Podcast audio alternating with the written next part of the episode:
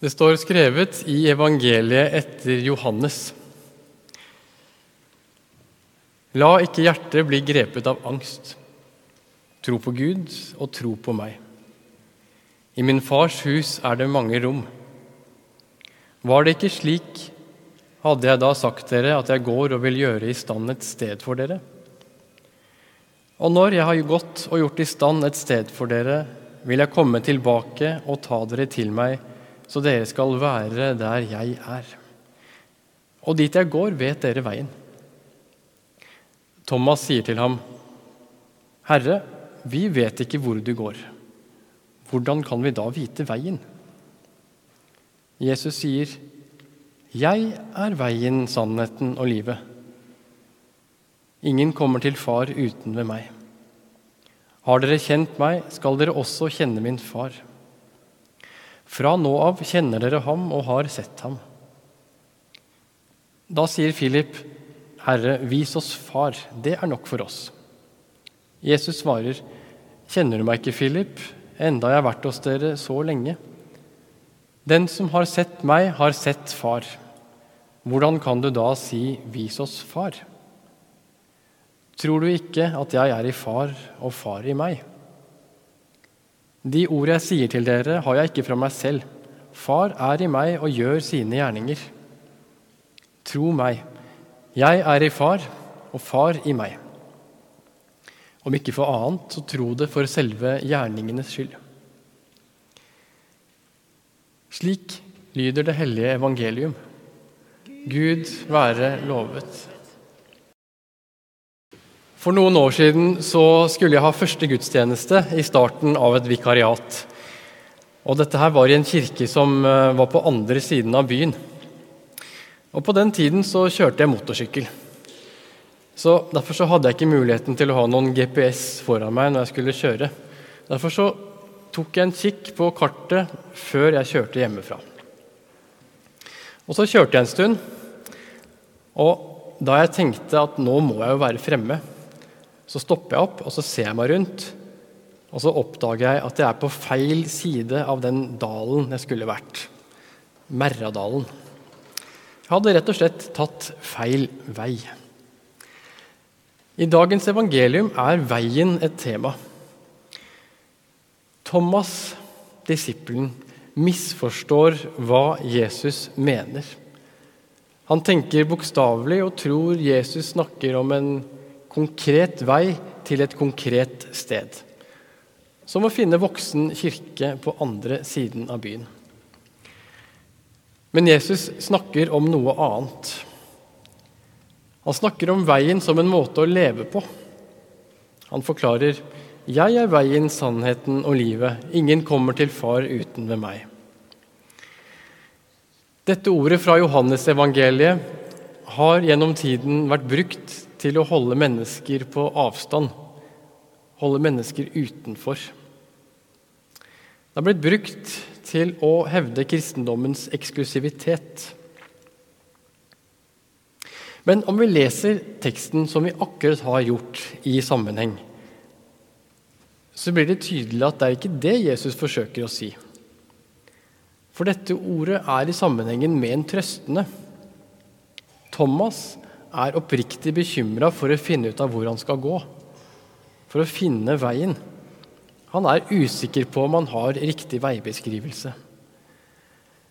Så dreier Jesus det.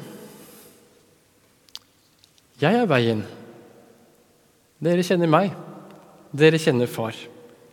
Dere har allerede det dere trenger. Philip strever også med å forstå. Jesus sier, 'Har dere kjent meg, skal dere også kjenne min far.' Fra nå av kjenner dere ham og har sett ham. Og da ber Philip Jesus om å vise ham far. Men igjen forsikrer da Jesus at det er han.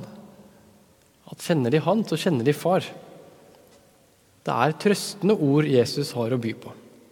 Far er Jesus, Jesus i far. Philip og Thomas misforstår. Og Jesus forsøker å vise at veien er et bilde på livet og sannheten, ikke en veibeskrivelse til andre siden av byen. Likevel, jeg er veien, sannheten og livet, blir ofte løsrevet fra sin sammenheng. Og det blir brukt langt snevrere enn det jeg tror det er grunnlag for å si. Og hvorfor kan jeg si det? Jo, se på Jesus selv. Hvordan var det Jesus forholdt seg til f.eks. samaritanerne? Lignelsen om den barmhjertige samaritan. Der er det en mann som blir overfalt. Han blir liggende i grøfta. En prest går forbi uten å gjøre noe. En levitt gjør det samme. Men samaritanen stopper opp, tar vare på han. Det er samaritanen Jesus holder frem som det gode eksempelet. Og hvorfor betyr det noe her i dag? Jo, det er fordi at samaritanerne var en utskjelt gruppe. De var vantro, i hvert fall fra jødenes perspektiv. Disse gruppene skulle ikke omgås. Det var en gruppe mennesker som antagelig kom fra Pers Persia 800 år før Kristus. Kom til Samaria. De hadde med seg sine egne guder som de tilba, i tillegg til at de tilba Javé. De hadde til og med sitt eget fjell, Gerisimfjellet. Men til tross for dette, til tross for spenningene mellom folkegruppene, så er det samaritanen som er helten i historien.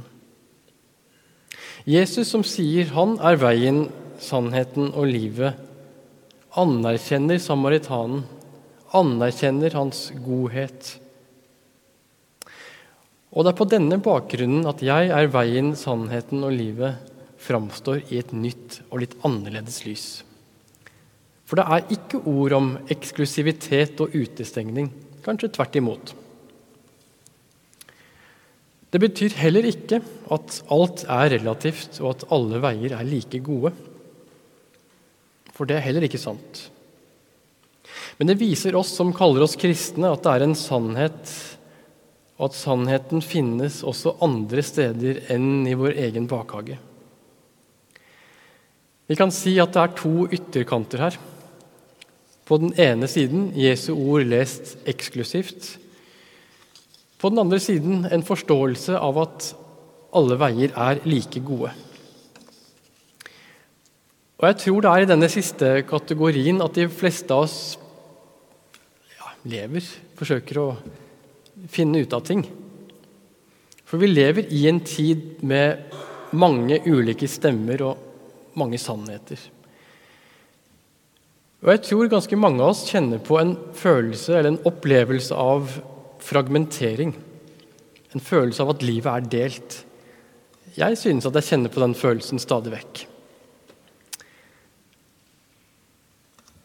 Du har en verden her i kirka.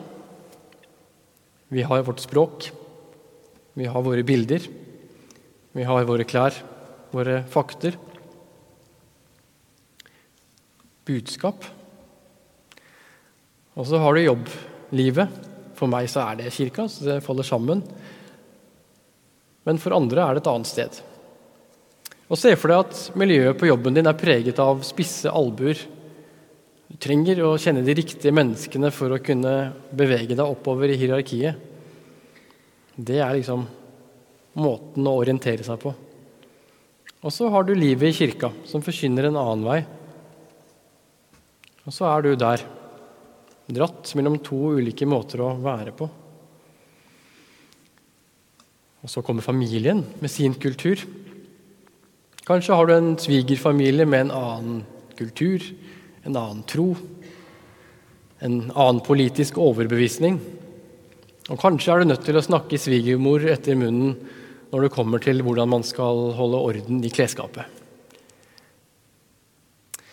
Og så har vi vennegjengen med sin dynamikk. Vi skifter stadig ansikt, og noe er ikke til å unngå. Men det går også an å sitte igjen med en dyp følelse av å være splitta.